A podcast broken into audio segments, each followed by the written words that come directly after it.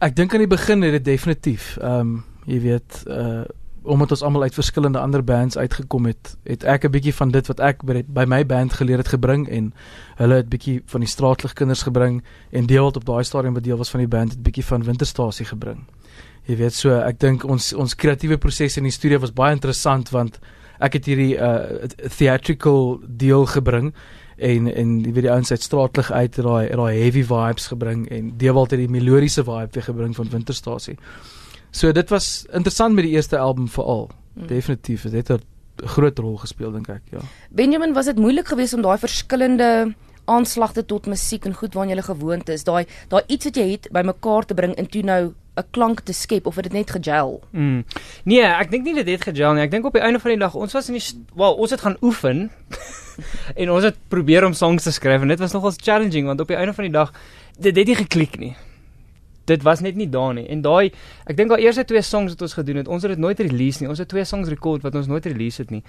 Was so half amper daar gewees en toe die volgende keer toe ons in die studio ingegaan het, toe het alles net geklik en alles net het net in mekaar um weet in plek geval. En ek dink omdat dit van klomp verskillende bands afkom en dit is hierdie uh uh verskillende kreatiewe breine wat nou in een een brein moet invorm.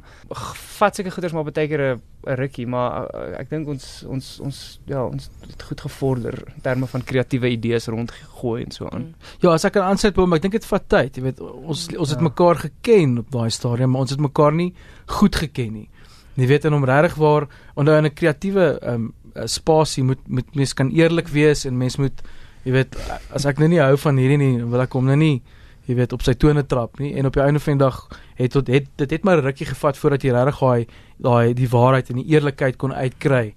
En dis maar soos enige vriendskap jy weet maar toe dit eers vlam vat toe ons mekaar eens begin verstaan toe toe gebeur die dinge kreatiewe mense is ook emosionele mense en dit is mm. dit is jou baba mm. waarna jy werk. So dan om vir iemand te sê hoor mm. ek dink nie hierdie gaan werk nie. Mens mens kan mens kan mens indink al is jy 'n goeie vriend, dit gaan nog steeds op 'n op 'n plekkie raak. Nou, jy praat so van die klank wat jy gevorm het. Ek moet op julle Facebook bladsy staan na genre Pochi Rocky. Ek weet nie wie dit geskryf het. Roan Kreer as drummer wat dit ja. opgesit het. Ja, dit was nie ek nie. Of jy nie. nee. Ja, ek dink is maar jy weet omdat ons nou daar gevorm het in Potch en ja. en ehm um, jy weet toe ons begin het daai tyd in 2010 was die scene baie sterk geweest in Potch. Jy weet ons was daar glaskas was daar uh Dance Dance Lisa het uit Potch uitgekom uh snowing down south was 'n klomp Engelse bands ook wat ek mm. kan onthou. So die rock scene was nogal groot, jy weet, en die venues ook daai tyd.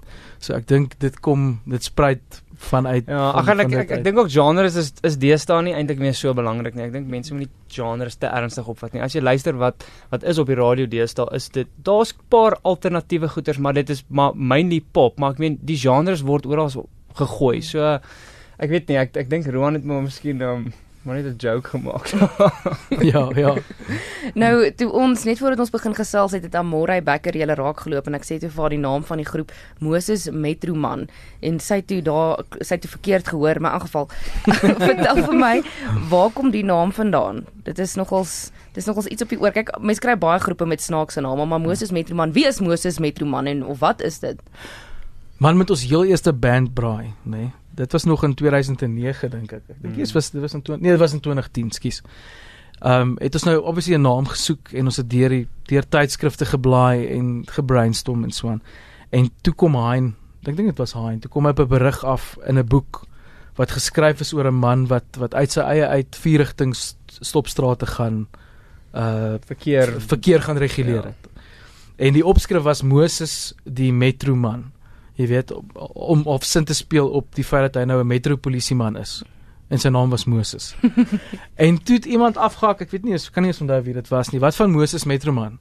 En almal was happy en die nice ding is jy kan dit in Engels ook um, sê Moses Metroman.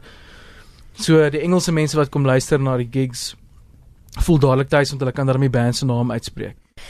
Toe jy begin het was MK baie groot gewees. Jy het 'n paar MK toekenninge ingepalm en jy het baie opgetree by MK en natuurlik die die TV kanaal het baie gedoen vir Suid-Afrikaanse veral rock.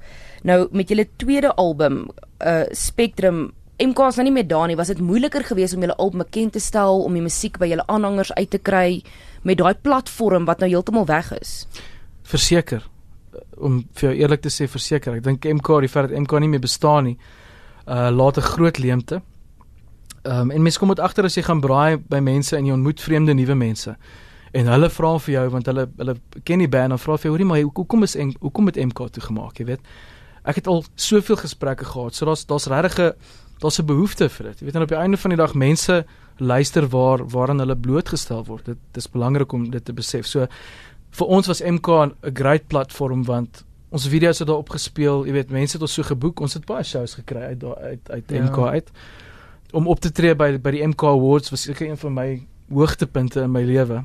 Jy weet, so hulle laat definitief 'n leemte en dit maak dit moeiliker, obviously. Jy weet, ek dink as jy nou 'n band van scratch af moet begin, dink ek dit is bitter moeilik uh om jou goed daar buite te kry want jy weet jy moet my goed op die radio kry en en en obviously jy weet die, dit dit beïnvloed die venues ook so jy weet venues uh, venues boek minder rock bands so dit se hele hele kringloop jy weet. So dit dit alles raak moeiliker om die musiek daar buite te kry. Benjamin hoe het jy dit dan aangepas? Kyk ek dink daar is nog steeds avenues wat jy kan gaan. Soos byvoorbeeld mens moet maar op social media begin fokus. Jy moet op YouTube begin fokus. En op die einde van die dag moet mens maar net aanvaar CD sales is nie meer wat dit was nie. En miskien is dit beter om net elke maand of elke 2 maande 'n single uit te bring en dan dit om net van van daar af vat jy bring 'n single uit jy shoot 'n goeie video vir dit jy kry dit op YouTube jy kry al jou be bemarking ready vir al op social media en daai tipe van goeders en uh uh en dan dan moet die shows maar aankom op die einde van die dag mag maar obviously ons kry baie ondersteuning van ons label af en goeders wat ook Ja. Ehm um, jy weet die series versprei ehm um, in musika en so aan. Dit is maar moeilik, mense moet maar net jy weet half aanpas en besef dat dit is nie meer wat dit was nie, maar wat is die volgende die volgende stappe om te neem en wat is die volgende manier om om om die dinge te doen? Uh manne, waar kan ons luister as julle volg op sosiale media en waar tree julle binnekort op? Social media is as wel Facebook is Moses Metroman, Twitter is net @mosesmetroman, Instagram Moses Metroman. Um, en uh YouTube ons het al redelik baie video's uit. Um ja. En uh ja, gaan check die video's uit. Ek meen daar's ja, daar's al die afgelope 7 jaar ja. het ons 'n uh, hele paar video's al uitgebring. So um daar's baie content op YouTube en um ja, volg ons op Instagram en Twitter en en like ons op Facebook. En die die die songs is alles op iTunes beskikbaar as mense hulle die die, die musiek wil hê. Hmm. En as die, as mense die harde kopie van die CD wil hê en in 'n winkel het hom nie moedig ek die mense aan om hom te bestel. Want ehm um, jy weet op die einde van die dag die die die die die winkel of die kettinggroep kontak die label en die label sien o genigtig hierso is nou ewe skielik 'n wave van mense wat Moses albums wil hê en dan stuur hulle die albums uit. Hmm. Jy weet so en op op daai manier help dit ons ook weer.